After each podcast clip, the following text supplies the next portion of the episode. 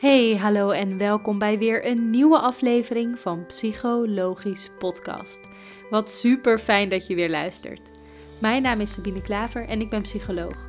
Naast mijn werkzaamheden in de praktijk zet ik me in om mentale gezondheid meer bespreekbaar te maken, onder andere door het maken van deze podcast.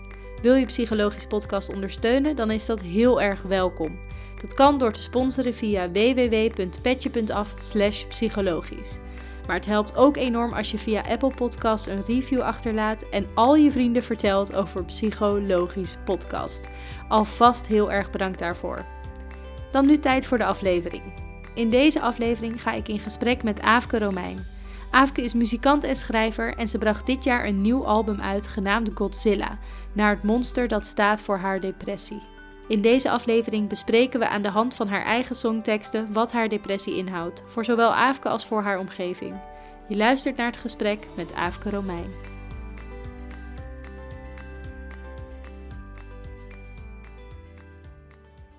Welkom Aafke. Hallo. Tenminste, ik zeg welkom, maar Ja. ik ben hier bij jou Ja, thuis. eigenlijk moet ik welkom zeggen in mijn huis. Ja. In jouw kleurrijke huis, de- dat ik wel eens voorbij zie komen op Instagram. Ja. En nu live hier. Fijn om al met elkaar in gesprek te kunnen gaan. Onder andere over jouw nieuwe album. Er Yes. komt ook een boek uit. Ja. Volgende week. Volgende week, 2 september, ligt het in de winkel. Ja, en ten tijde dat de podcast online komt, ligt het dus al in de winkel en moeten Yes. mensen rennen om het te gaan halen. we gaan het over van alles hebben, ehm, maar in ieder geval heel fijn dat we met elkaar in gesprek kunnen gaan. Je bent net terug van vakantie. Ja, ehm, ja, precies. Ik ben nu een halve week terug. Ja. En hoe was dat? Het was heel gezellig. Het was eh, regenachtig, zoals de hele zomer voor iedereen, denk ik. Maar het was... eh, we hebben uiteindelijk twee dagen wel heel mooi weer gehad en nog kunnen zwemmen en zo. Dat was heel fijn. En verder hebben we heel veel sightseeing gedaan en veel musea bezocht. En ontspant dat dan ook? Ja, jawel. Ja, sowieso musea ontspannen altijd wel, vind ik. Ik hou, ik hou heel erg van musea bezoeken. Eh, voor mijn dochter van vijf is het soms iets minder boeiend. Mhm. Maar ja, die moet het er maar mee doen. Ja. Of naar een interactief museum. Ja, dat proberen we wel altijd te doen. Ja, we, Ja. Wel, ik- we gaan ook wel naar musea die voor ons niet zo leuk zijn, maar voor haar wel. En ontspant het dan nog steeds voor jou? Ja, als ik haar plezier zie hebben, dan ja, dat is altijd wel heel leuk. Ja, wat Ja. fijn. En nu dus weer aan het werk en er gebeurt veel. Ja. Je zei al, een boek komt volgende week uit. Ten tijde van de podcast is het dus al uit. Ehm, dat is een vervolg Ja, op je eerste boek. Ja, het is, nou, het is niet één op één een vervolg, eh, maar het, het is, ehm, het speelt zich af in hetzelfde universum als mijn eerste roman, Concept M. Eh, maar het zijn echt twee losse verhalen, dus je kan ze wel echt los van elkaar lezen. Oké. Maar voor de mensen die Concept M gelezen hebben, het eerste boek, is het wel leuk om te weten dat je wel leest hoe het is afgelopen met de personages uit het eerste boek. Dus eh, Oké. ja, En voor de mensen die nog niks gelezen hebben, is Dat het dus ook, maar is Ja. het toch ook wel leuk om dan Concept M ook erbij het is, meteen ja, bij te sowieso, kopen? ja, het is sowieso leuk om Concept M eerst te lezen, maar het hoeft niet per se. Dus Nee. je hoeft niet te denken, oh shit, ik moet nu twee hele romans gaan lezen als ik eh, wil, wil bijblijven. Nee, eentje Ja. mag ook. Ja, precies. Ja, wat fijn. Spannend ook. Spannende tijd, eh, denk ik. Heel spannend. Ja, absoluut. En Godzilla, je album. Ja, Wanneer is dat uitgekomen op precies? 4 juni. Ja. Dus dat is een paar, 2,5 maand geleden. En loopt dit dan allemaal door elkaar? Het schrijfproces van het boek, het maakproces van het album? Het gaat altijd allemaal door elkaar, maar ehm, op het moment dat iets afgemaakt moet worden en gepromoot moet worden, zorgen we er wel altijd voor dat daar heel even specifiek de tijd heen gaat. Dus op het moment dat een boek echt af moet, dan heb ik wel een maand of drie nodig om even alleen maar daarmee bezig te zijn. Ja, En hetzelfde geldt eigenlijk voor, eh, voor promotie in mindere mate ook wel. ja. En is er dan met al dit werk wat jij doet, eh, structuur in je leven? Ehm, ja, nee. Ik denk dat eh, ja, voor mensen die in loondienst werken van 9 tot 5 is mijn leven misschien heel chaotisch. Eh, maar voor mij valt het wel mee, want ik, er zijn gewoon een aantal basisvoorwaarden waar ik altijd voor probeer te zorgen. Dat ik genoeg slaap krijg, dat ik een regelmatig ritme heb, dat ik regelmatig eet en sport. En eh, verder heb ik een management dat heel nauwkeurig kijkt naar mijn agenda en, en, eh, en zorgt dat daar ja, niet zozeer structuur in zit, maar wel gewoon helderheid en ehm, eh, ja, dat het niet te veel is, zeg maar. Ja. Dus op die manier zit er eigenlijk toch best wel veel structuur in. En hier vaar jij goed bij? Ja, nou ja, so far so good. Ehm, dat is natuurlijk allemaal heel relatief. En ik weet ook niet zo goed hoe het was geweest als ik had gekozen voor een leven in, als, als loonslaaf. Is Dus dat, ooit ja. een optie geweest voor je? Nee, niet echt. Ik heb wel zes jaar les gegeven, dus dat was wel in loondienst. En dat deed ik eigenlijk naast mijn studie en mijn, ehm, ja, het maken van muziek. Maar ik had wel al vrij snel door dat dat niet voor altijd zou zijn. Dus dat het niet, ehm, ja, dat het, ik ben er niet zo geschikt voor om op te gaan in een bestaande structuur. En waar heeft ding. dat mee te maken? Eh, nou ja, ik ken eigenlijk maar twee standjes als je mij in een systeem zet dat al bestaat. Het ene is dat ik er volledig in opga en mezelf kwijtraak. En het tweede is dat ik volledig in de contramine ga en overal en alles ga lopen saboteren. Ehm, en er, ik denk er misschien met heel veel hulp en, en heel veel wilskracht daar wel een soort van compromis tussen te vinden zou Mhm. zijn. Maar ik heb het nooit gevonden. De wilskracht. Nee. Dus, eh, en, en ik heb ook van heel jongs af aan echt de behoefte gehad eigenlijk alleen maar om dingen te maken. Eh, en daarin niet afhankelijk te zijn van anderen. Dus dat, dat is voor mij altijd wel een soort van eh, basisbehoefte geweest. ja. En dat, dat, ja, dat leent zich gewoon niet zo goed voor een structuur.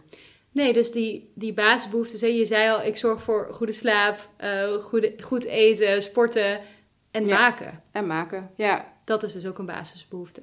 Ja, maar dat is iets, dat hoef ik niet zozeer, daar hoef ik geen ruimte voor te maken, want dat doe ik toch wel. Dat vreet, Ja. dat vreet alles op, laat ik het zo zeggen. Dus dat, ehm, dat is eerder iets wat ik soms een beetje aan banden moet leggen om ook gewoon genoeg rust te krijgen en, eh, en tijd te hebben voor andere dingen. Ja. Hey, Godzilla, daar gaan we het over hebben. En dat gaat over depressie, mag ik het zo noemen? Of is, Ja, het, zeker. is het groter dan dat? Of is het... Hoe zou je het zelf eh, beschrijven? Waar gaat Godzilla over?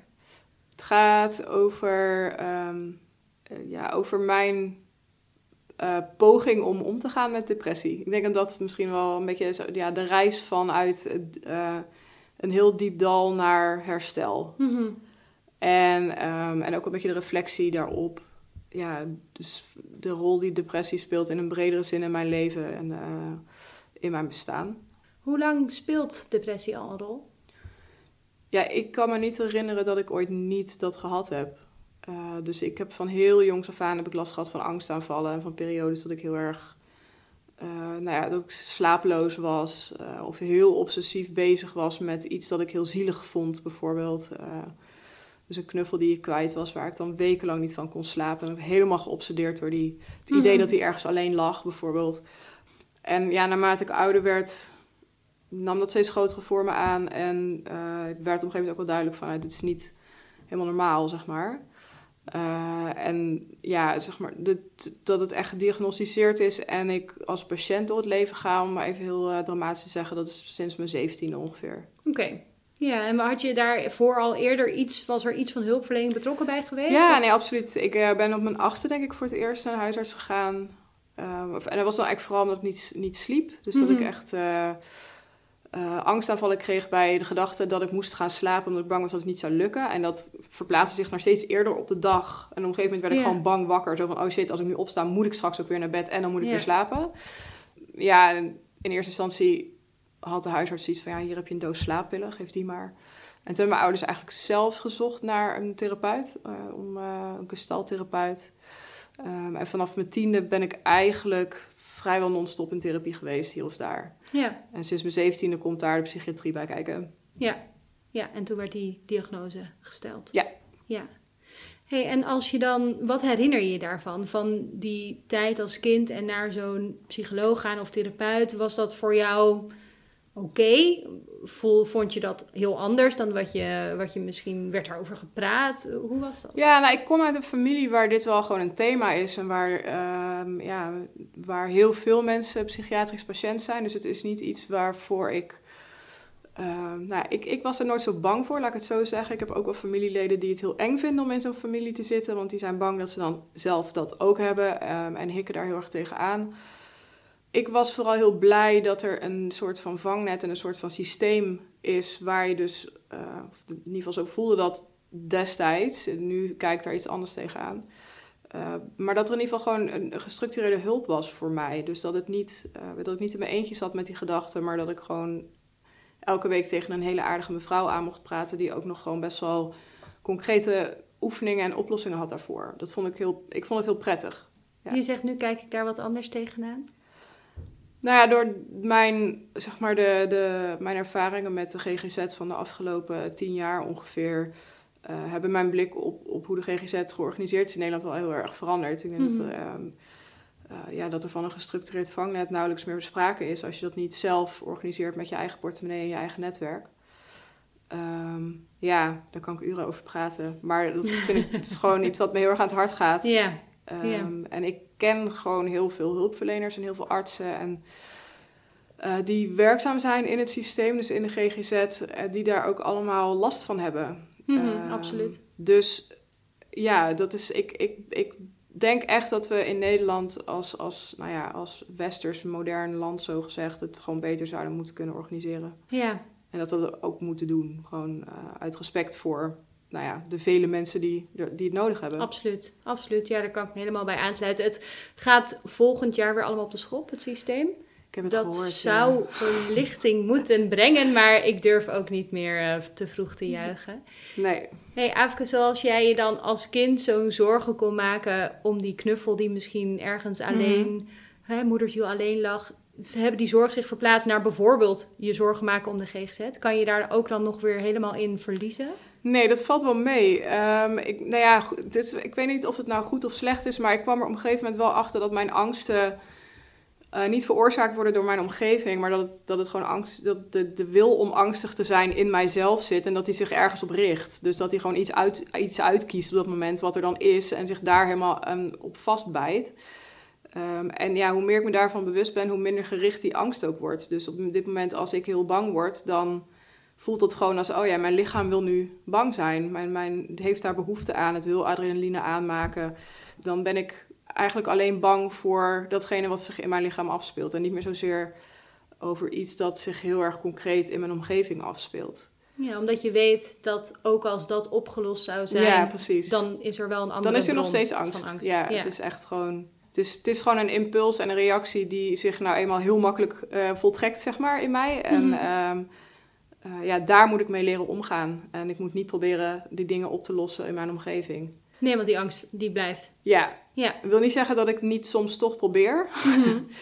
Eh, en er zijn natuurlijk wel dingen die ik zelf kan voorkomen, waarvan ik gewoon weet van, nou, dat zijn triggers. Dus ik probeer er wel een soort van gebalanceerde, nou ja, een soort van balanceertruc. Zo van bepaalde dingen probeer ik te voorkomen, maar ik probeer ook niet te leven met alleen maar beperkingen en alleen maar dingen die ik probeer te vermijden, omdat ik weet dat ik er misschien bang van word. Ja, dus dat is een soort goede middenweg zoeken eigenlijk.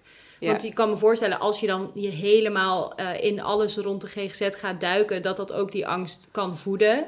Maar dat het ook geen optie is voor je om het er niet over te hebben of eh, om het helemaal soort van te negeren. Nee, ja, en het, het gekke aan praten over depressie is dat ik, eh, dat heb ik eigenlijk van kinds af aan gedaan. Dus ik ben er wel redelijk in getraind om te praten over mijn depressie zonder erin te vervallen. Dus ik kan er redelijk goed naar kijken zonder dat het er ook meteen is. Ja, En dat is, voor mijn gevoel is dat gewoon puur een kwestie van trainen. Ik heb het gewoon echt geleerd eh, door het veel te doen. En door ook te- altijd weer te ervaren van... hé, hey, ik kan gewoon over mijn ziekte praten zonder dat ik ziek word. ja, Ehm, dus dat, ja, daar heb ik dan weer minder moeite. Er zijn genoeg dingen waar ik wel heel veel moeite mee heb. Maar dat is Hmm. voor mij iets wat, eh, ja, dat, en, en omdat het voor mij makkelijk gaat, voel ik ook, een verantwoordelijkheid om het te blijven doen. Omdat ik weet dat er altijd mensen zijn die er niet over kunnen praten en die er iets aan hebben als je er wel over praat. Dus Ja. dat, dat houdt zichzelf ook een beetje in stand. Is die openheid nooit eh, lastig voor je geweest? Nou, eigenlijk alleen toen ik in loondienst werkte. is voor mij ook een hele grote reden om nooit meer in loondienst te gaan werken. Ehm, Want daar zaten gevolgen aan? Of... Eh, nou ja, goed. Zo, kijk, zoals ik nu leef en zoals ik nu werk, het klinkt misschien heel stom, maar ik creëer ruimte om depressief te zijn. Ik gebruik die ruimte liever niet, maar hij is er wel. En dat, dus op het moment dat ik depressief word, dan eh, natuurlijk stel je dan, heb je het idee dat je heel veel mensen teleurstelt. Maar het heeft vooral gevolgen voor mij en mijn werk en niet voor alle mensen, zeg maar, om me heen. Eh, toen ik les gaf, wist ik gewoon van... oh nee, dan moeten collega's dat allemaal gaan oplossen. Leerlingen krijgen nu geen les. En die ouders gaan zich allemaal afvragen van wat is er aan de hand. En eh, nou ja, ik, ik was ook heel bang dat mensen mij onbetrouwbaar zouden vinden als collega. Dus omdat Mhm. ze wisten dat ik dit had, was ik heel erg bang dat ze daar iets van zouden vinden. Of dat ze minder op me zouden durven leunen. En, en omdat ik me daar dus heel druk om maakte werd ik ook steeds angstiger. Dus dat, dat, ik moest heel erg mijn best doen om niet in een soort van negatieve spiraal terecht te komen, wat Ja. dat betreft. Ja. En dat heb ik nu iets minder, omdat ik, nou ja, op het moment, op het moment dat het goed met mij gaat, werk ik gewoon heel hard. Dus mijn output is gewoon heel groot. Ja. En ook als ik een depressie van een jaar heb, dan, dan nog, ja, ik bedoel, mijn- mijn directe omgeving merkt dat natuurlijk. Mhm. Maar ik merk het niet in mijn portemonnee of in mijn carrière. En dat is voor mij wel, ja, dat is wel een grote troost. Ja, absoluut. Dus die ruimte, die heb je eigenlijk zelf gecreëerd. Je zei, dat Ja. klinkt een beetje stom, maar eigenlijk klinkt dat voor mij ook wel gewoon slim. Ja, maar ik denk, kijk, als we het echt goed zouden organiseren, ehm, als iemand kanker krijgt, dat, ik, ja, het is een vervelend voorbeeld, maar ik gebruik hem toch altijd maar even. Als iemand kanker krijgt en chemo moet ondergaan, dan, ehm, nou ja, dan krijg je van je werkgever krijg je kaartjes en bloemetjes en vindt iedereen het heel sneu. En gaat iedereen je helpen met, ja, met reïntegratie zo- zodra dat weer kan. Eh, maar zodra je een depressie hebt, gebeurt dat eigenlijk nooit. Dan is het gewoon van, oh shit, die kan het niet aan, weet je al. Ja. En natuurlijk zijn er ook uitzonderingen, er zijn hele lieve collega's. Maar dat is wel nog steeds een beetje hoe het systeem werkt. Dus eigenlijk, het, het zou niet nodig moeten zijn dat je als psychiatrisch patiënt het beste ZZP'er kunt zijn. Eh, het zou zo moeten zijn dat psychische ziektes ten eerste maatschappelijk onderzocht worden en als een maatschappelijk probleem ook geanalyseerd worden en, en, en deels opgelost worden, voor zover dat mogelijk is. Maar anderzijds ook gewoon deel uitmaken van het leven. En dus als iets dat nou eenmaal kan gebeuren wanneer je een werknemer in dienst hebt.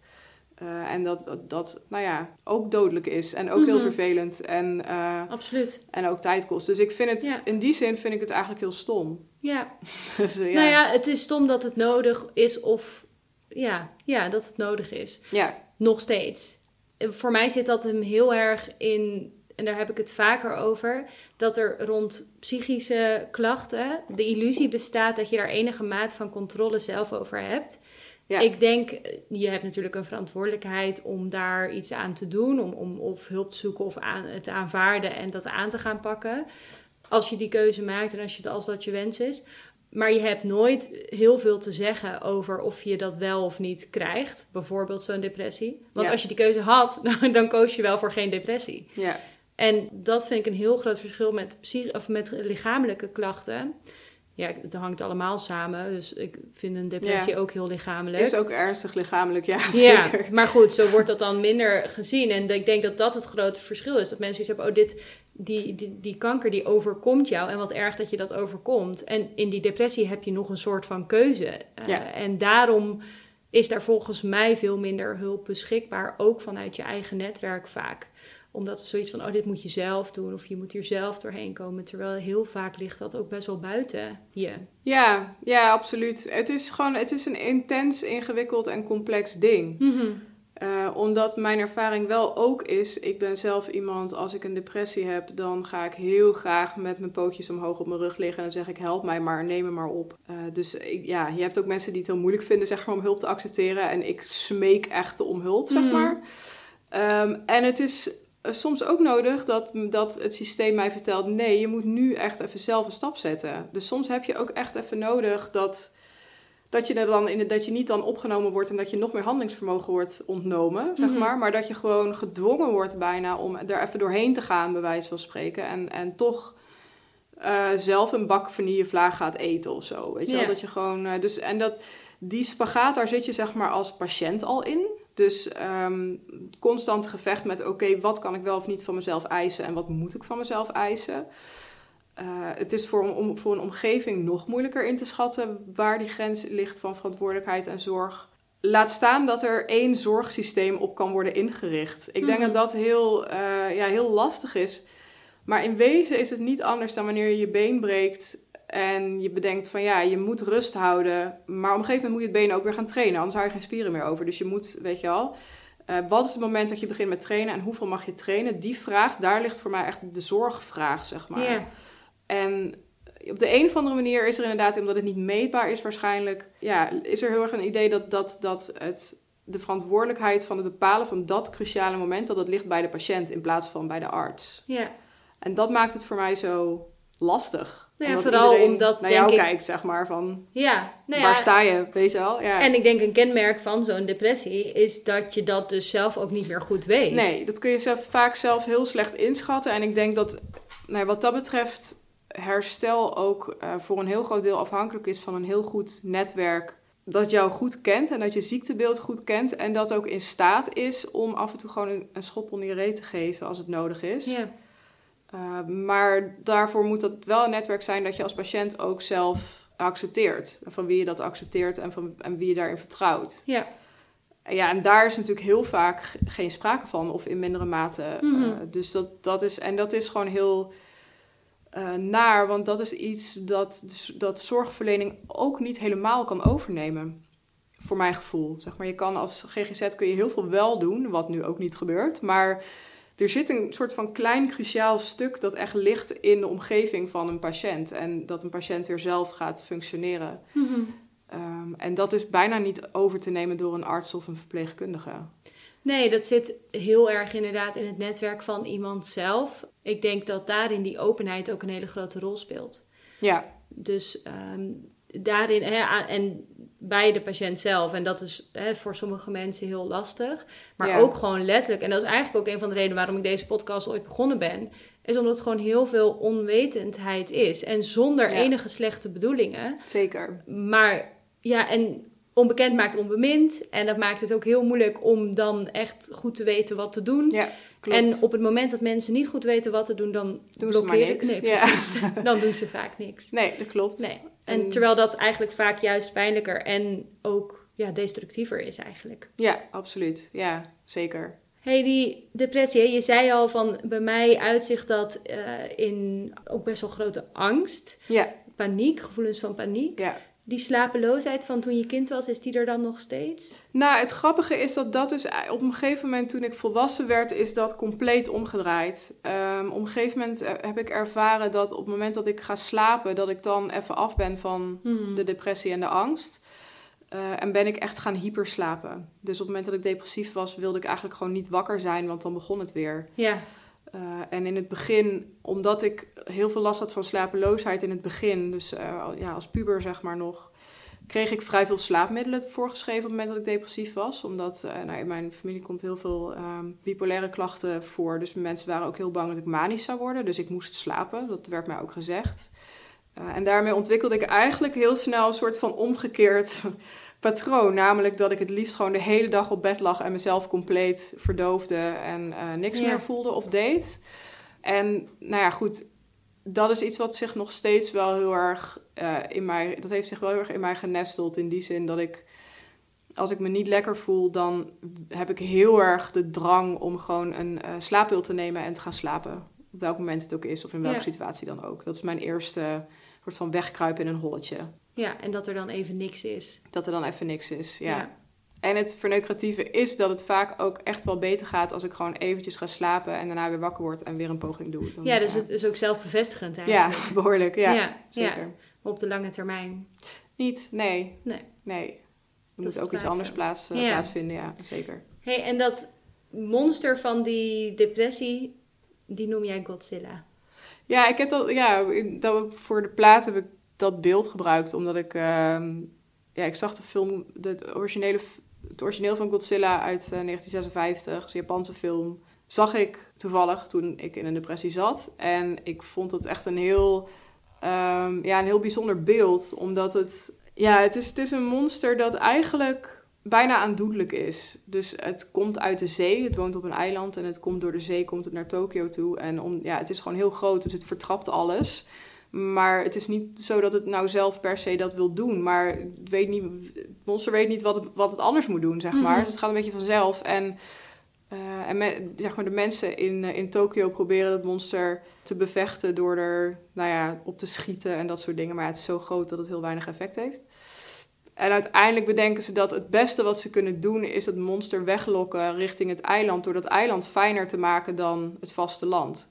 Dus het monster blijft bestaan, maar het heeft zijn eigen biotoop en zijn eigen plek. En zolang iedereen daar maar een beetje van weg blijft en zorgt dat het daar gewoon het leuk heeft, heeft niemand er last van. Ja, Um, en dat is wel, dat, ja, in die fase van mijn depressie was dat eigenlijk ook waar ik zelf doorheen ging. In die zin dat ik eigenlijk voor het eerst echt begon te beseffen van dit is iets wat nooit meer weggaat. Ik heb heel lang nog gedacht van, nou ja, en mijn behandelaars ook van, jij hebt gewoon een late puberteit en dit is nog allemaal een soort van jongvolwassen gedrag en je groeit er misschien nog wel overheen en dit en dat. Maar bij mijn laatste depressie is van, ja, maar ja, nu is alles toch echt wel af. Mijn leven is gewoon helemaal stabiel, het is helemaal oké, er is echt niks meer wat ik nog, ja, kan Mhm. veranderen, dat het nog beter wordt of whatever, weet je wel. En het is er nog steeds. Dus het is toch echt iets wat gewoon bij mij hoort. En wat waarschijnlijk er ook gewoon gaat blijven. Dus dat was voor mij wel een soort van moment van, oh ja, dan moet ik daar iets anders mee doen. Dus in Dan plaats moet van dat het- monster naar het eiland. Ja, precies. En dan moet ik maar accepteren dat er dus ergens een eiland is waar een monster op zit. Kan je dat accepteren? Ehm, nou ja, eh, zolang ik niet depressief ben, gaat dat heel prima. dus in de Maar ook het, met het idee dat, die, dat dat monster ineens weer op kan staan en denken... God, Tokio ziet er toch best interessant uit. Ik ga toch weer eens een kijkje nemen. Ja, weet je, het eh, relativeren is. ehm, relativeren is heel makkelijk op het moment dat ik niet depressief ben. Dus eh, op het moment dat ik niet depressief ben, dan is het zoiets van: oh ja, daar heb ik wel eens last van. Net als dat iedereen wel eens verkouden is of een griep heeft of whatever, weet je wel. Maar op het moment dat je dan depressief wordt of bent, dan is het opeens ondraaglijk. Ik denk als ik niet zo goed zou kunnen relativeren, dan had, wel had ik nu niet meer geleefd, denk ik. Als ik me constant te volle bewust was van wat er achter de Mhm. horizon ligt, ja, dat is, daar, dat is ondraaglijk. Nee, ja, daarom. Ja. ja. Ja, dus op het moment dat het monster er niet is, gaat het, heel, gaat het ook gewoon heel goed. En is Ja. die wetenschap dat het monster kan komen, dat is niet dermate Nee. belemmerend. Nee, nee. Ik heb, wel, ik bedoel, ik heb altijd wel momenten als ik gewoon een dag heb dat ik slecht wakker word, omdat ik me gewoon niet lekker voel of zo. Vaak is dat dan lichamelijk, dat ik gewoon verkouden ben of zo. Dan is er wel weer even zo die blik dat ik denk van, oh ja, zo ziet het eruit. Dit is Mhm. niet leuk, dit is niet fijn. Ik hoop dat het niet doorzet. Maar op het moment dat het dan een dag later weer goed gaat, dan is het ook wel weer weg. Ja. Ja. Hou je dat bij, die, die dagen, of niet? Ja, ik, mer ik, ik doe dat wel. Ehm, ik, ik maak gewoon flowcharts eigenlijk van, eh, of moodcharts. En nou ja, soms heb ik ook wel, weet je, als het drie maanden lang achter elkaar gewoon goed gaat, dan hou ik er ook weer even mee op. En op het moment dat ik dan merk van, hé, hey, ik heb nu binnen een maand weer twee mindere dagen gehad, dan begin ik weer om het bij te houden. Eh, en dat doe ik eigenlijk omdat op het moment dat ik me slecht voel, heb ik altijd het idee dat het al heel lang zo gaat en dat het nooit meer overgaat. Dus Mhm. ik kan op dat moment Ja. niet meer bedenken. Ja, ik moet lachen omdat Ja. dit echt heel herkenbaar is. eh, omdat ik dit hetzelfde doe. Ik heb dus ook echt een flinke depressie gehad een aantal jaar geleden. En ik kan dus nu... Ik weet gewoon, de statistieken zijn ook zo dat als je daar eenmaal één of twee gehad hebt, dat de kans echt enorm is. Daarom gaat er ook steeds meer ingezet worden op ook terugvalpreventie. Niet alleen Ja. preventie, maar terugvalpreventie. Omdat die statistieken gewoon enorm zijn. Volgens mij Ja. uit mijn hoofd is het na één depressie is de kans 60 of 65 procent dat er nog eentje komt. En na twee is dat al 85 of Ja, zo. klopt. Dus het is ook echt, ja... In mijn geval is de tegen. kans denk ik 150% of zo. Ja. Nou ja, en dan is dus zo'n zo'n zware dag, die je dus wel eens kan hebben, want die hebben we allemaal. Die kan dan bij mij al meteen oproepen van, Ja. oh god, here we go again. En nee, en, en dat versterkt natuurlijk alleen maar. En dan op het moment dat ik inderdaad die flowchart terug kan kijken, denk ik, oh nee, wacht, eigenlijk waren de afgelopen we- weken best oké. een beetje wisselend, maar helemaal niet zo slecht als ik nu denk. Ja. En misschien wordt morgen ook wel weer oké. Ja, ja, dat is, ja ik denk dat dat, eh, dat is ook een beetje wat ik probeer te doen. Ja, Ja. wat goed. Hey Godzilla, eh, het eerste nummer van de plaat heet South Park. Ja, En eh, daarin zing je, ik kan nog niet weggaan. Er staan, ik heb de neiging om nu ook te zingen. Het mag, het staat je vrij. ja, jij kan dat beter dan ik. Maar eh, ik kan nog niet weggaan. Er staan nog restjes in de koelkast en mijn inbox zit nog vol. Ik kan nog niet weggaan. Er komt een nieuw seizoen van South Park, dus ik houd nog even vol. ja. Wat zegt dat lied? Ja, het is een, ehm, het is een soort opsomming. Ik, ik word heel snel suicidaal. Eh, als ik me een dag niet goed voel, ben ik al de hele dag bezig met... oh ja, het leven is vet kut, ik kan best goed gewoon stoppen, weet je wel. En het wil bij mij nooit zeggen dat ik er ook echt iets mee doe. Maar ik ben wel altijd aan het nadenken. Van mij, bij mij is altijd meteen de vraag... ja, wat zijn nou eigenlijk de voor's en de tegens? Alsof je gewoon constant bezig Mhm. bent met een soort van... ehm, Analyse van ja, het leven. Ja, Het, het, zeg maar, de gedachte aan doodgaan is heel makkelijk in mijn hoofd. Laat ik het zo zeggen. Het is geen taboe. En een van de dingen die ik wel eens doe als ik, ehm, nou ja, als ik merk dat ik daaraan ga denken, eh, om mezelf gewoon af te leiden, is gewoon opsommingen maken van hele kleine dingetjes waarvan ik denk, dat wil ik nog even, even gedaan hebben. Of dat wil ik, daar wil ik nog even op wachten. Of, en hoe kleiner en concreter die dingen zijn, hoe makkelijker het is om mezelf af te leiden. Dus het gaat heel, echt heel vaak is het inderdaad zo van... Oh ja, ik heb een stekje en die krijgt een nieuw blad en ik wil nog even zien hoe dat blad eruit ziet. En op het moment dat een dag later dat blad er is, dan ben ik al lang niet meer suicidaal, weet je wel. Dus dat, ja, het werkt, het is echt korte termijn, zeg maar. En die kleine dingen, die wegen dus ook op tegen dan die enorme Godzilla die schreeuwt van, ja, het hoeft allemaal niet meer. Nou ja, op het moment dat ik één slechte dag heb, dan werkt het echt als een trein. Op het moment dat je, dat je als ik in een depressie van maanden zit ja, dan is het een ander verhaal. Dan kan het ook nog steeds wel helpen. Maar dan is er wel echt meer nodig. Dan moet je iets grover geschut inzetten, zeg maar. Mhm. Eh, maar het is wel gewoon een, het is een manier om gewoon heel simpel je eigen gedachten af te leiden. En dat, ik merk dat dat vaak wel een truc is. Uh, omdat het vaak ook maar gedachten zijn, weet je wel. Het is gewoon een soort van gebaand pad waar je in verglijdt. En op het moment dat je gewoon heel systematisch dat weer af probeert te leiden... dan ja, dan oefen je zeg maar die andere paadjes weer. En dat, dat helpt mij heel erg. En ja, en ik, ik, heb, ik maak daar ook echt gewoon lijstjes van op papier, zodat ik ze ook kan doorkijken zo gedurende de dag. Ja. Um, en daar staat dan op, mijn stekje is net goed aan het groeien en er komt nog een nieuw seizoen van South Park. Ja, precies. Ja, dat soort dingen. Zo, oh, ik ben heel benieuwd waar South Park het over gaat hebben dit seizoen. Dat moet, Het moet leuk worden, weet je wel. Dat kan niet anders. En dat, ja, stom is dat dat vaak beter werkt dan de gedachte van... oh, ik ben moeder van een kind, dus ik mag, het, ik mag geen zelfmoord plegen, weet je wel. Dat is zo groot. Ja. Dat is alleen maar eng. Ja. Dus ja, dus je moet het kleiner maken of zo. Ja, dus die kleine dingen houden je dan op dat moment juist op de been. Als je echt midden in die donkerte zit, dan is het moeilijk om misschien je nog heel erg druk te maken om je stekjes. Ja. Maar dus dan is er grover geschut nodig. Ja. Maar op het moment met die slechte dagen helpt dat je heel erg. Ja. Ja, mooi. Hey, in het vierde nummer Avondochtend uh, zing je... Als ik kon tekenen, dan tekende ik een ochtendzon en maakte daar een avond van. Waar gaat het over? Ja, dat gaat dus echt over de neiging die ik heb om te slapen als ik, uh, als ik depressief ben. En echt gewoon het idee dat als het een ochtend wordt, dat ik alleen maar denk: oh mijn god, het is een super lange dag. Ik heb hier helemaal geen zin in. Uh, dus wat ik dan wil doen is overal een avond van maken en dan meteen weer gaan slapen. Dus de, alleen de avonden zijn goed, zeg maar. Omdat ik dan zeg van, oh, ik mag een hele nacht gaan slapen. Dat is echt heerlijk, een hele nacht zonder depressie. Zijn, is dat ook, als jij in een depressie zit, zijn ook die, die ochtenden het zwaarst ja, en die avonden het ja. ja, ja, bij mij is het echt wel... Ik ben echt van de ochtenddepressie. Ja. de team ochtenddepressie ben ik. En dan op het moment dat de dag bijna voorbij is... Ja, dan hoeft er niks meer. dus dan, dan gaat de druk er ook gewoon vanaf. En dan is het allemaal wat minder moeilijk. Ja. En volgens mij zing je in dit lied dus, hè, avond-ochtend ook van de dag die, die verwacht van alles van me. Ja. En ik zeg, uh, nee, nee, daar ga ik niet... Uh... Nee, precies. Ja, het is natuurlijk niet zozeer de dag, maar het zijn gewoon het, ja, de mensen om je heen, je behandelaars. Iedereen verwacht van, oké, sta op, ga eten, hou het ritme erin, weet je wel. En het, ik, ja, ik heb vaak, als ik depressief ben, heb ik echt het idee dat, dat mensen echt niet snappen dat het vrijwel onmogelijk is. Dat het gewoon... Mm, weet je wel, het is, het is zo moeilijk uit te leggen wat dan maakt dat het mhm. onmogelijk is om op te staan en om het, om het te doen. Dat, hoe groot die moeite is. En ja, en als je dat probeert uit te leggen, dan hoor je jezelf praten en denk je: oh mijn god, ik klink zo sneu en zo zielig en ik probeer alleen maar medelijden te wekken. Dus ja, wat wel nog voor een dubbele last zorgt. Omdat als je dat dan nog tegen jezelf gaat zeggen, dan Precies, ja, krijg je alleen maar meer klachten natuurlijk. Absoluut, ja. Nee, dus dat is, een heel moeilijk, dat is een heel moeilijk gesprek wat je de hele dag voert met jezelf en met je omgeving, zeg maar. In die zin zijn de dagen dan, duren dan ook gewoon echt extreem lang. Omdat elke uur dat je doorkomt is een soort van monstermarathon die je gelopen hebt. Terwijl iedereen maar gewoon door het leven lijkt te glijden of zo op de een of andere manier. ik snap ook niet hoe mensen dat doen. Nee, dat is totaal onbegrijpelijk. Maar ja. Ja, dus die dagen zijn zwaar. En de avonden geven die dan ook echt even wat rust? Ja, ik kan dan heel vaak als ik s'avonds gewoon na het eten... Ehm, ja, als ik gewoon weet van oké, ik hoef ook... Ik, ik heb heel veel moeite met eten. Dus op het moment dat ik dan ook geen maaltijden meer hoef dat zorgt bij mij ook altijd voor heel veel rust. Dat ik dat gevecht niet meer hoef te voeren. Dat ik niet meer hoef te kauwen en te slikken. En dat mensen me niet meer zitten aan te staren. Zo van, eet je nou wel of niet, weet je wel. Uh, dus op dat moment dat dat gebeurd is... en het enige waar ik nog naar uit hoef te kijken... is dat ik lekker naar bed mag.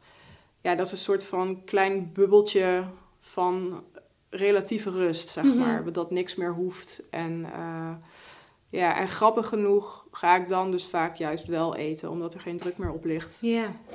Uh, Lukt het dan opeens wel, bijvoorbeeld. Uh, en kan ik opeens wel een boek lezen of een film kijken. Of uh, ja, mezelf afleiden. Ja, dus het hangt ook samen met die druk, de druk van de dag. Ja, absoluut. Ja. Ja. Hey, je zegt het is heel moeilijk uit te leggen aan behandelaren, aan mijn omgeving, aan mensen die het niet kennen, hoe moeilijk dat is om bijvoorbeeld uit bed te komen. ja.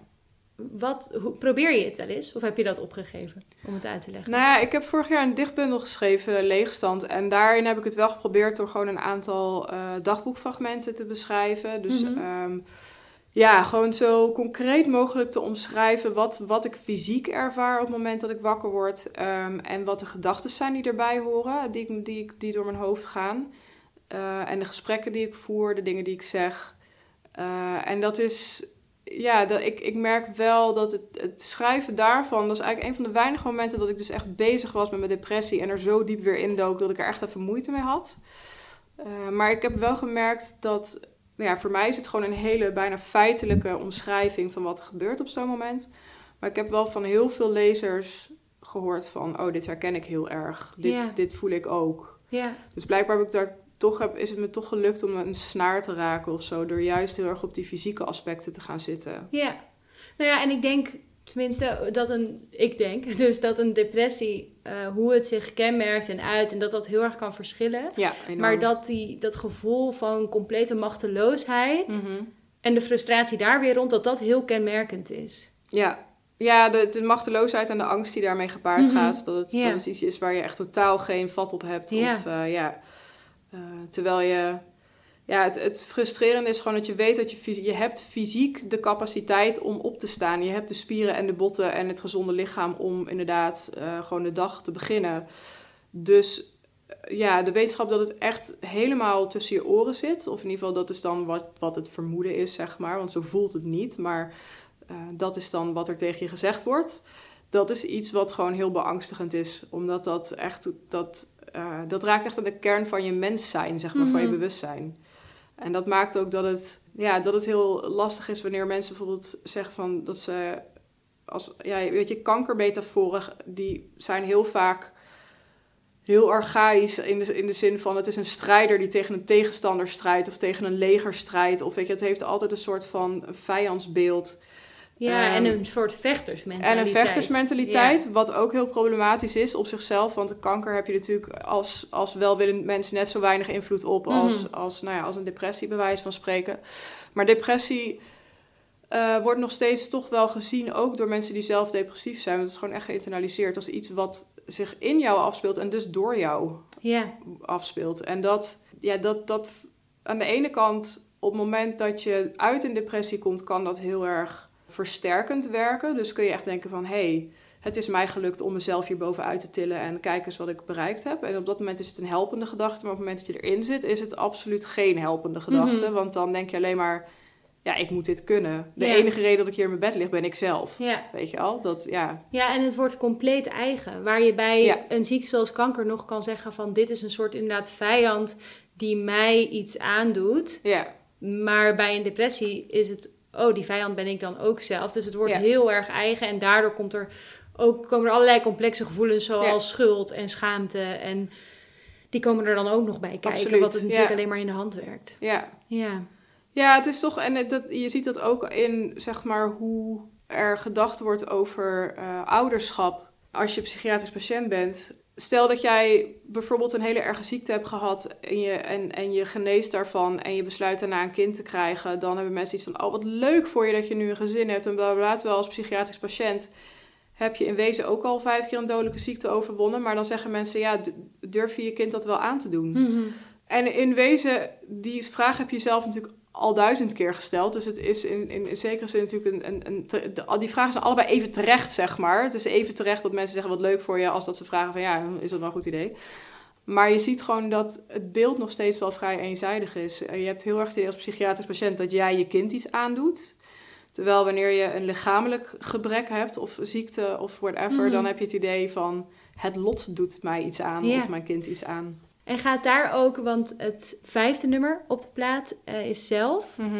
Gaat dat daar ook over? Ja, zeker. Het is een nummer dat er. Dat gaat. Ja, het is eigenlijk een beetje. ehm, Ik heb het geschreven omdat ik heel vaak het gevoel heb dat er heel weinig aandacht is voor, voor, eh, voor mantelzorgers in de Mhm. psychiatrie. Ik, ik bedoel, ik heb aan beide kanten van de medaille uh, geleefd en gestaan. Ehm, uh, dus ja, ik, ik weet hoe het is om te zorgen voor iemand die uh, in wezen geen zorg verdraagt, zeg maar. Dat is natuurlijk altijd het moeilijke met psychiatrische patiënten. Uh, is, nou ja, weet je, als iemand, als iemand een ziekte heeft en hij moet verpleegd worden, dan is dat iets heel concreets. Maar op het moment dat je een psychiatrisch patiënt bent, is het helemaal niet zo concreet wat je nodig hebt. Dus het is, het is een veel ingewikkeldere vraag hoe die zorg eruit dient te zien. En een psychiatrische patiënt kan vaak zelf ook helemaal niet, die weet helemaal niet zo goed waar die precies behoefte aan heeft op Mhm. een bepaald moment. Dus ja, mantelzorgers staan er vaak alleen voor, hebben vaak het idee dat ze maar wat aanmodderen. Er is heel weinig hulp, heel weinig, ja, heel Be- weinig beschikbaarheid. weinig beschikbaarheid. Mhm. Ehm, en eh, nou ja, wat ik ook gewoon vind, is dat ik wat ik wel zie, is bijvoorbeeld mijn man die dan heel erg voor mij zorgt op het moment dat het niet goed gaat. Denk ik, ja, er is niemand die aan hem vraagt van, hey joh, eh, hoe hang jij er eigenlijk bij? Of eh, weet je, wat kunnen we voor jou doen? Het is altijd maar van, hoe is het met Aafke en is ze nog steeds, wil, is ze nog steeds suicidaal? Ja. Dat is de enige zorg die mensen hebben. En hij redt zich wel, weet je wel. Ja, en hij heeft ja. natuurlijk de zorg voor jou, maar ook om jou. Ja, precies. Ja, absoluut. Ja, Ja. Dus dat is heel dubbel. En daar wilde ik heel graag een keer iets over schrijven, omdat dat ook wel, eh, ja, ik, ik denk dat het heel belangrijk is dat, dat, dat eh, mantelzorgers gezien worden. En, eh, Mhm. en niet alleen gezien, maar ook gewoon, nou ja, ondersteund, weet je. Ja, absoluut. We willen een participatiemaatschappij en dan moet je dat participeren ook wel mogelijk maken, weet je Mhm. wel. Dus you can't have your cake and eat it. Ja, maar die, die bal leggen we ook bij de mantelzorgers. Precies, ja. Ja. ja. En Ja. die mogen ook maar uitleggen aan hun leidinggevende wat er aan de hand is. Ja. En eh, ja. Dus dat nummer gaat eigenlijk ja, niet zozeer over het schuldgevoel, zeg maar, wat ermee gepaard gaat, maar wel het besef van oké, ik zie dat jij enorm veel voor mij doet en dat je voor mij zorgt. En ik zie ook wat jou, weet je wel, dat het jou ook beperkingen oplegt. En ik kan, het niet, ik kan het niet veranderen. Ik kan niet zorgen van, oh ja, weet je, dan ben ik wel niet ziek of zo. Weet je, Ja. dat, dat kan niet. Dus Als je het- dat kon, dan deed je dat. ja, dus het is een, je moet het accepteren of zo. Het heeft ook geen zin om in de goede periodes te gaan overcompenseren, want dat, zo werkt het niet. Het is Mhm. geen uitruil of zo. Het is gewoon, het is Nee. gewoon wat het is. Ja. Punt, weet je wel. En eh, dat heb je maar te accepteren. Ja. Ja, ik vraag me wel eens af, en dat is wel een, een angst die ik dan wel heb, denk van ja, ik zou niet weten of ik zelf zo goed zou zijn in het zorgen voor iemand anders. Stel dat het andersom zou zijn. Dat weet ik oprecht niet. Ja, want Dus- je, nou, je zingt in het nummer van eh, alles staat of alles valt met jouw geduld dat ik niet heb. Ja, En er is er maar één hier met schuld die nooit meer in te lossen valt. Dat ben ik zelf. Ja, nou zo voelt het soms wel. Want het is natuurlijk wel, ik, ik, vraag, ik vraag zoveel meer. Mhm. Dat is in geen, geen lifetime is dat meer terug te geven. En Kan jij dat verdragen? ehm, ja, ik denk dat ik daar wel egoïstisch genoeg voor ben om dat wel te kunnen verdragen. Ja. Dat ik gewoon denk, ja, dit is wat ik nodig heb in mijn leven. En ik krijg het nu en dat is heel fijn. Op het moment dat ik depressief ben, kan ik het niet verdragen. En er zijn ook wel momenten dat ik gewoon, weet je, als het dan een keer andersom is, dus dat, dat, ik, dat, ik, dat ik iets moet bieden of kan Mhm. bieden, dan heb ik het soms wel moeilijk, omdat ik me dan afvraag zo van, jeetje, weet je, soms als ik, eh, als ik een week voor iemand moet zorgen die ziek is, dan ben ik helemaal op. Ja, wat zou er gebeuren als dit voor altijd zou zijn? Ja, komt Dat, dat... weet ik niet. Want je zegt, hè, er is niet per se een schuld schuldgevoel, maar komt dat dan misschien juist meer op op het moment dat jij... Want dat herken ik meer bij mezelf. Als ik dan moet zorgen voor de ander, Ja, wat, wat me gelukkig op zich denk ik redelijk afgaat, maar ook in mijn relatie heb ik veel minder geduld dan mijn partner. ja. En op het moment dat ik dan voor hem moet zorgen, dan voel ik wel van, ja, dit moet ik nu doen, Ja. want... want Kijk ja, eens naar al die keren dat Ja. hij goed voor mij heeft gezorgd en dat hij ook is blijven zorgen, ondanks dat het lang duurde. Ja, precies. Ja, Dus dan komt dat schuldgevoel, als ik dan voel, ja. oh, ik kan het nu niet zo opbrengen, dan komt dat schuldgevoel op. Ja, nee, je hebt, niet, je hebt niet de luxe om te zeggen nu even niet. Mhm. Dat kan niet. Want je hebt nog zo'n, je, je, bedoel, je, je hebt zo'n achterstand nog in te halen, bij wijze van spreken. Dat, dat is gewoon eindeloos. Dus al zou die nu ziek worden en de rest van onze relatie ziek zijn, ja, dan nog. Hmm. Nou, dat is niet helemaal waar. Maar bij wijze van spreken, dus je hebt wel zoiets. Ja, en ik merk gewoon dat ik veel minder geduld heb met ruimte afgeven aan een ander. Dus niet zozeer, ik vind het op zich niet zo, niet zo erg om voor iemand te zorgen, maar ik vind het vooral heel erg dat ik geen tijd voor mezelf heb. Dat laatste kan ik niet zo goed aan, zeg maar. Mhm. Eh, dus op het moment dat dat langer duurt, dan gaat mij op een gegeven moment het licht uit. Dus ik zeg, ja, fuck it, nu wil ik gewoon zelf weer wat doen. Ik leef niet om, om jou te verzorgen. En het is natuurlijk eigenlijk onzin, want op het moment dat je een relatie aangaat en je trouwt, dan zeg je tegen elkaar, en dat doe je echt met je volle verstand, wij zorgen voor elkaar. In voor- en tegenspoed. In voor- en tegenspoed. Dus ik vind dat ik het wel moet doen, weet je. Dus ik, ik ja, maar er is eigenlijk geen mogelijkheid om dat te laten falen. Dat kan gewoon niet. Nou ja, ik denk wat misschien helpt, een, een gedachte om te hebben die dan kan helpen, is dus dat het wel heel erg verschilt per persoon wat hun soort van draagkracht is in het zorgen voor een ander. Dus de een Ja. of, of de rek in het elastiekje. De een kan dat, en voor de een kost dat dus ook minder dan dat het misschien voor jou kost. Dus voor Ja. jouw man kost het misschien kost het veel, maar kost het misschien minder dan dat het andersom voor jou zou kosten. Ja, dat denk ik ook wel. En ik bedoel, ik zie dat ook wel, weet je, bij mijn ouders bijvoorbeeld. Er is ook een, een, een groot verschil tussen... eh, mijn moeder zorgt gewoon heel graag. Die vindt het echt prettig om voor mensen te zorgen. Mhm. Ja, dat heb ik gewoon niet zo. Dat heb ik ook nooit bijvoorbeeld met mijn dochter gehad. Ik vind het heel leuk met mijn dochter, maar dat hele zorgaspect dat zij volledig van mij afhankelijk was in het begin, vond ik vooral redelijk beangstigend. Dat ik echt zoiets van, "Eh, maar hoe lang duurt het voordat je gewoon zelf snapt dat je op een wc moet gaan zitten, weet je? Ik vond dat, dat was niet Er iets... zijn allemaal boeken voor. Ja, precies. Ehm, dat, ja, dat vond ik nou niet het meest aantrekkelijke aan het moederschap, zeg Mhm. maar.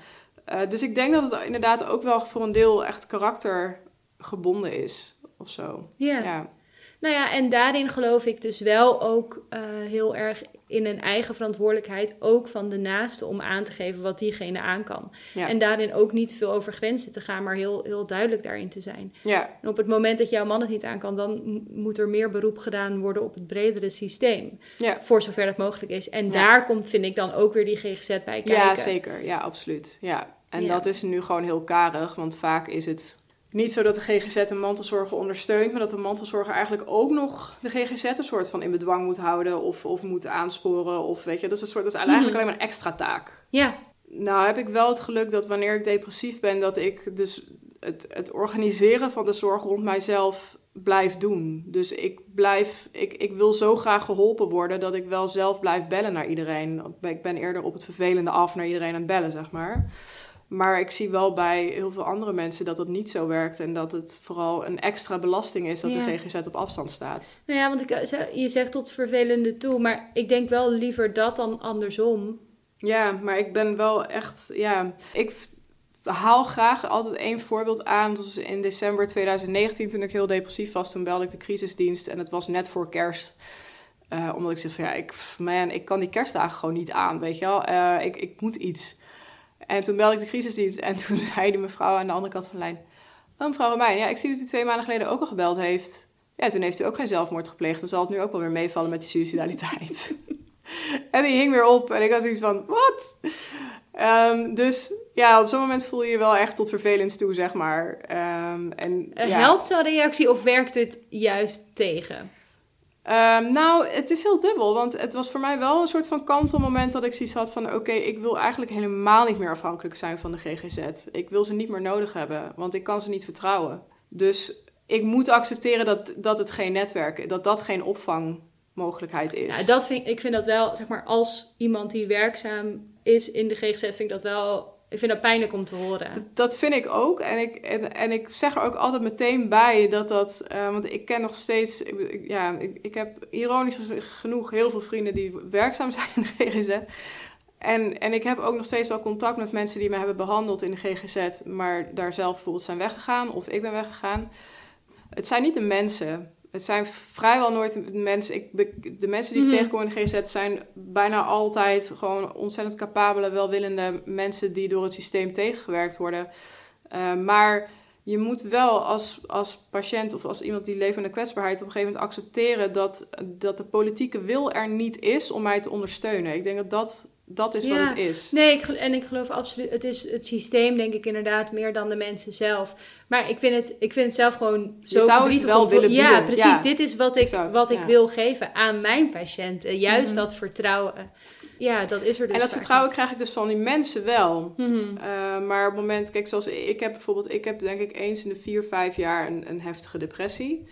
En daartussendoor gaat het eigenlijk best wel goed. Dus wat ik eigenlijk nodig heb, um, en dat weet ik eigenlijk al heel lang, is dat ik gewoon een nummer heb van iemand die ik ken, die ik kan bellen op het moment dat het een paar dagen niet zo goed gaat, zodat ik even kan sparren van, hé, hey, wat is hier aan de hand en hoe zorgen we ervoor dat het niet uit de hand loopt. En vaak is dat met één of twee gesprekken is dat, is dat klaar. Soms met een, stri- met een stripje erbij, bij wijze van spreken. Mhm. Maar heel veel is er niet voor nodig. En het systeem zoals het nu werkt, maakt dat onmogelijk, omdat mijn dossier telkens gesloten wordt en ik gewoon weer achteraan moet aansluiten in de rij. De rij van maanden. Van, nou ja, precies. En eh, nou, mijn ervaring is ook, omdat ik geen eenduidige diagnose heb, is het mij dan ook nog vaak zo dat ik dan weer vooraan bij de GGZ begin. En dat ze eerst weer een diagnose willen stellen. Dus dat je eigenlijk dan weer een jaar bezig bent met intakes en dan van de ene naar de andere kant gestuurd worden. Terwijl ik al lang weet van, jongens, ik loop hier al 34 jaar mee. Ja. Ik kan heel goed uitleggen wat er met mij in de hand is. ja. En dat daar inderdaad, ja, Ja. en die diagnose moeten stellen. en die moeten, die is, stellen. Ja, verzekeringstechnisch eh, ben Ja. je daartoe verplicht. Exact. En daardoor kost ik uiteindelijk de facto zoveel meer geld dan dat ik eigenlijk het, zou het, kunnen het maakt ook geen sens, zeg maar. Er zit Nee. helemaal geen slim De logica is weg. En in die zin denk ik van ja, dan eh, zeg maar, ik heb die malle molen, ben ik drie keer in en uit geweest. En ik heb daarvoor met mijn ouders ook ervaren hoe het is wanneer je dus gewoon zelf kijkt van oké, welke vrijgevestigde psychiater kan mij helpen? En die betaal ik gewoon handje contantje. Op een gegeven moment heb ik gewoon de conclusie moeten trekken van ik, ik ga het zelf doen. Dus ik ga gewoon zelf weer naar een psychiater die ik ken en die betaal ik gewoon zelf. Ik wil ook niks met verzekeringen te maken hebben. Ik wil gewoon niet En he- het de- heb je dus aan mijn nu hoofd. dat nummer, dat nummer dat Ja. je kan bellen op Ja. het moment. Ja, Ja, maar dat is gewoon van mijn psychiater die ik al heb sinds die af en aan dan eh, sinds ik eh 19 ben. Ja. Eh, en die is ook tien jaar uit beeld geweest omdat ik dus binnen de reguliere GGZ liep. Maar die heb ik op een gegeven moment gewoon weer gebeld en die zei van ja, ik ga eigenlijk volgend jaar met pensioen, maar ik heb nog geen zin om met pensioen te gaan. En je dossier ligt hier gewoon nog, ik kan het zo openslaan, kunnen we verder gaan waar we gebleven Ja. waren. Ja. en het hele lastige, het is super fijn dat jij dat nu hebt. Het hele lastige daaraan is natuurlijk ook weer dat het een, een privilege is om Het is een dat te privilege. kunnen, Ik kan kunnen het- bekostigen. Ik kan het en- betalen. En weet je, en hiervoor konden mijn ouders het betalen. En ehm, ja, het is eigenlijk van de gekke als je kijkt wat het kost. Tegelijkertijd, ja, weet je, als zou ik niks meer verdienen, ik heb er alles voor over om niet depressief te worden. Mhm. Dus het maakt me geen hol uit. Ja, Maar het, ik, ik, ik, kijk, dat ik mijn bek hierover blijf opentrekken is wel omdat ik gewoon zie van ja, ik, ik kan me dit veroorloven als, als witte welgestelde vrouw. Maar ja, ik ben wel in de minderheid. ja absoluut. En Dus Hè, ja. Dat is op, hè, op geldgebied, eh, het financiële stuk, maar ook gewoon het netwerk kennen, weten waar je zo'n psychiater Ja, dan vindt, weten dat je daar eh, je vertrouwd kan voelen. Misschien moet je er een paar proberen Ja, voordat je ergens. precies. Ja, dat is gewoon, en zeker als je er middenin zit, geen beginnen aan. Nee, en ik krijg nog steeds heel veel. Dat, dat vind ik ook echt altijd wel heel pijnlijk en, en ergens ook wel moeilijk. Ik krijg heel veel berichten van mensen die mij ergens horen praten of lezen over depressie. En die zeggen: Help mij, want ik kom er niet uit met de reguliere GGZ. Ik sta op een wachtlijst. Wat kan ik doen? Kun je iemand voor me bellen? En ik snap dat heel goed, want ik zou zelf exact hetzelfde doen als ik in die situatie zou zitten. En tegelijkertijd ben ik ook maar een patiënt, weet je wel. Ik Mhm. ben, ja, ik, ik, ik, omdat ik erover praat en eh, weet ik een beetje hoe de lijntjes lopen, weet je wel. Maar ik, ja, het is niet mijn taak om dan zorg voor anderen te gaan organiseren. Dus ik heb wel gewoon een lijstje altijd met tips klaar liggen van wat je wel en niet kan doen. En eh, dingen die je nog kan uitproberen, bij wijze van spreken. Maar eh, ja, ik merk ook, en dat vind ik ook weer de andere kant van het verhaal, wat ook heel veel gebeurt, is dat ik word benaderd door allerlei kwakzalvers die zeggen: Ik kan je van je depressie afhelpen. Geef mij je geld, weet je wel. Ja, dat heb je natuurlijk bij iedere ziekte. Maar dat is ook gevaarlijk. Want ik snap wel van ja, een chakra healing gaat mij niet helpen. Maar ja, hoeveel mensen zijn er die dat wel geloven Ja. of denken, weet je wel? Die dat wel doen. Ja, ik vind dat, ik vind dat heel complex, omdat Ja, ik, je wil dan niet. ehm, ja, ik ben heel actief op Instagram. Nou, staat er vol mee. Zeker. Eh, en ik las laatst nog dat iemand over hypnose zei: van ik heb maar één sessie nodig. En ik kan je helemaal genezen van je depressie. En ik vind dat zo problematisch. En tegelijkertijd wil ik ook niet een of ander elitair praatje gaan houden Nee. van ja, maar ik heb hier wel zes jaar voor gestudeerd. En eh, Nee, en, en het is ook nog zo, en dat vind ik zelf ook wel, wat, ik, wat, wat me wel mijn ogen heeft geopend, is dat ik wel ook gemerkt heb in mijn leven dat een zeker geloof en openheid voor het spirituele ook heel erg helpend kan zijn. En of dat nou religie is, of dat je in kristallen gelooft, of, of whatever. Het, het, heeft, het, het is een bepaalde vorm van meditatie en, en, en zingeving en rust om ermee bezig te zijn. Dus je kan het ook niet één op één afschrijven als zijnde van... oh ja, dit is allemaal onzin of dit moet je niet doen. absoluut. Ja. Ehm, alleen het is gewoon zo zuur dat het een substituut wordt van reguliere GGZ, waar we met z'n allen belasting voor betalen. En dat zou er gewoon moeten zijn, weet je Mhm. wel. Ja. Ehm, je Nou zou ja, het er wordt allebei goed, moeten kunnen ja, doen. er wordt goed gebruik gemaakt van dat Ja, gat wat exact. ontstaat in de zorg. En wat ik daarmee vooral problematisch vind, is dat er eh, heel vaak beloftes worden gedaan van als jij dit doet, dan zou je binnen zo en zo eh, lang Ja. van je depressie af moeten zijn. Waardoor het weer niet. het, ja, en het, het idee versterkt dat als dat dan niet lukt, dat dat dan ook weer je eigen schuld is. En dat het dan ook weer een faalervaring is. En dat vind ik er vooral heel heftig aan. Hè, dus ga absoluut die hypnose doen als je dat prettig vindt. Of je chakra's eh alignen. Of, dat is allemaal, daar is niks mis mee op het moment dat je het niet ziet als... dan ben ik van mijn depressie af. Nee, precies. En ik denk sowieso dat hele van je depressie af zijn... is überhaupt natuurlijk een heel moeilijk ding. Want ik denk bijvoorbeeld als ik naar mezelf kijk... op het moment dat ik van een depressie af ben... en ik verval één op één in het gedrag van voor die depressie... dan kun je er donder op zeggen dat ik er weer een krijg. Dus je, dat genezen, zeg maar, voor zover dat bestaat... Mhm. Is ook een proces dat je leven lang duurt... en wat je moet onderhouden. En eh, ja, weet je, het is... Helaas wel. Het is geen Ja. in die zin ook weer, het is geen kanker die op een gegeven moment gewoon, hé, hey, er zijn geen meetbare cellen meer, het is weg. Mhm. Ja, dus dat maakt het ook heel lastig. En, en ook daarin kan spiritualiteit echt best wel een, een, een helpende rol spelen. Alleen het mag gewoon nooit, het, wat je zegt, het mag niet in de plaats komen van reguliere GGZ. Nee, en in ieder geval ook niet met enkel en alleen het doel om te Nee. genezen. Want ik Nee. denk dat je dan, eh, in het eh, geval dat het een keer werkt, heel fijn. Maar ik denk dat je dan heel vaak heel erg teleurgesteld wordt. En dat dat Ja. alleen maar het, gevo- ja, het gevoel van falen versterkt. Zeker. Hey, Godzilla is het laatste nummer op de plaat. En daarin eh, zing je: Spaar ons niet, Godzilla, maak ons met de grond gelijk. Laat ons opnieuw beginnen. Wat is dat opnieuw beginnen? Is dat uit een depressie komen? Ja, het is eigenlijk het. ehm, zeg maar, als je dan toch in een depressie zit, dan heb je wel vaak. Het enige fijne wat een depressie biedt, is dat je vaak wel ruimte hebt om een heleboel dingen opnieuw te, vorm te geven. Dus eh, op het moment dat alles zinloos is en dat je alles, ja, dat alles weg is, zeg maar, of wegvalt, heb je wel de mogelijkheid om helemaal opnieuw te gaan nadenken van oké, maar hoe kan ik mijn leven wel constructief vormgeven, voor zover je dat nog niet gedaan hebt natuurlijk. Ja, en in mindere mate probeer ik wel uit iedere depressie, ja, probeer ik iets mee te nemen waarvan ik denk, hé, hey, dat is iets wat ik eh, kan veranderen, wat ik beter kan doen voor mezelf, waarin ik beter voor mezelf kan zorgen. Ja, dus dat je, dat je toch op de een of andere manier eh, iets blijvends ook mee kan nemen uit een depressie. Iets wat goed is. Ja, dus het is eigenlijk alsof de hele boel overhoop wordt gehaald. Ja, En je vanaf daar altijd wel weer opnieuw kan opbouwen. En dus ook de steentjes soms net wat anders kan zetten, Ja. omdat dat dan fijner voor je is. ja precies. Ja, dus daarin zit dat opnieuw beginnen in. Ja, Ja.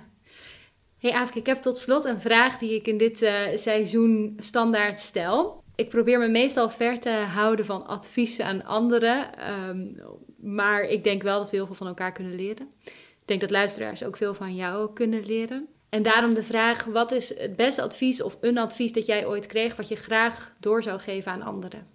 Ja, het is niet zozeer een advies, het is wel een gedachte. Mijn oma die zelf eh bipolaire stoornis heeft en nou ja, eh, omdat zij van ver voor de werkende medicatie is, eh, veel meer heeft doorgemaakt en meegemaakt dan ik. Die zei in een van mijn eerste depressies, zat ze aan mijn bed en zei ze, maar dan wel in plat Brabant, dus ik citeer daar niet helemaal hetzelfde, maar ze zei, het wordt echt altijd beter en als ik dat zeg, dan weet je dat je het kan geloven. Dus toen dacht ik, ja, dat is wel iets waarvan ik altijd gedacht heb, ja, als iemand het kan zeggen en, het, en, het, en er waarde aan kan meegeven, dan is het iemand zoals zij, die gewoon vanaf de negentiende eigenlijk van psychose naar, naar depressie is gehobbeld en pas op de 65ste lithium kreeg voorgeschreven. Als zo iemand zegt van het wordt echt altijd weer beter en, er, en, en het heeft zin, dan is dat, heeft dat voor mij zoveel meer waarde dan wanneer een psychiater het zegt, alleen maar omdat hij het heel vaak heeft zien gebeuren. Dus, omdat zij het heeft doorleefd. omdat zij het heeft meegemaakt. Ja. En ze is er nog, weet je wel. En, ehm, en, en ze is nu 87 en het leven heeft nog steeds heel veel zin, vindt ze. Dus, dat, dus ik heb altijd van, voor mij is haar kracht of zo om er doorheen te komen en om te blijven gaan, is, is al, eigenlijk al de grootste inspiratie geweest, denk Ja. ik, in mijn herstel. En dat is de houvast om dan toch door te gaan. Ja, en ik houden. probeer dat eigenlijk ook altijd tegen anderen te zeggen van... Yo, ik ben er geweest, ik heb dit ook al een aantal keer doorgemaakt.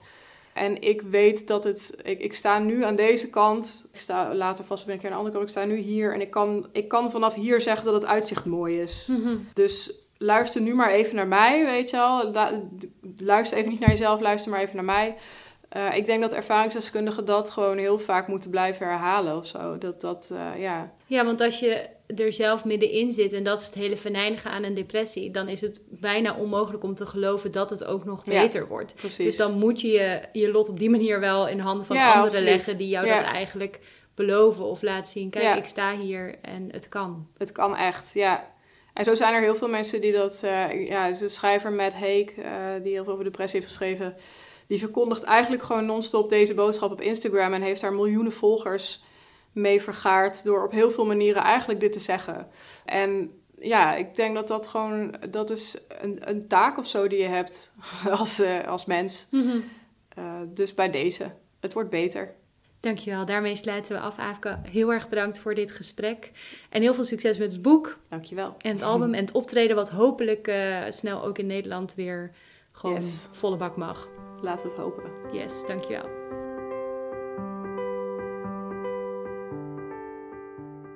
Bedankt voor het luisteren naar Psychologisch Podcast. Ik hoor graag wat je van deze aflevering vond. Het helpt me enorm als je je abonneert op de podcast of een recensie achterlaat. Voor vragen, opmerkingen of andere leuke berichten mag je altijd contact opnemen via mijn website www.sabineklaver.nl of via social media. Op Facebook en Instagram zoek je naar Psychologisch Podcast. En als je volgt, word je meteen op de hoogte gehouden van allerlei psychologisch nieuws. Voor nu, zorg goed voor jezelf en tot de volgende aflevering.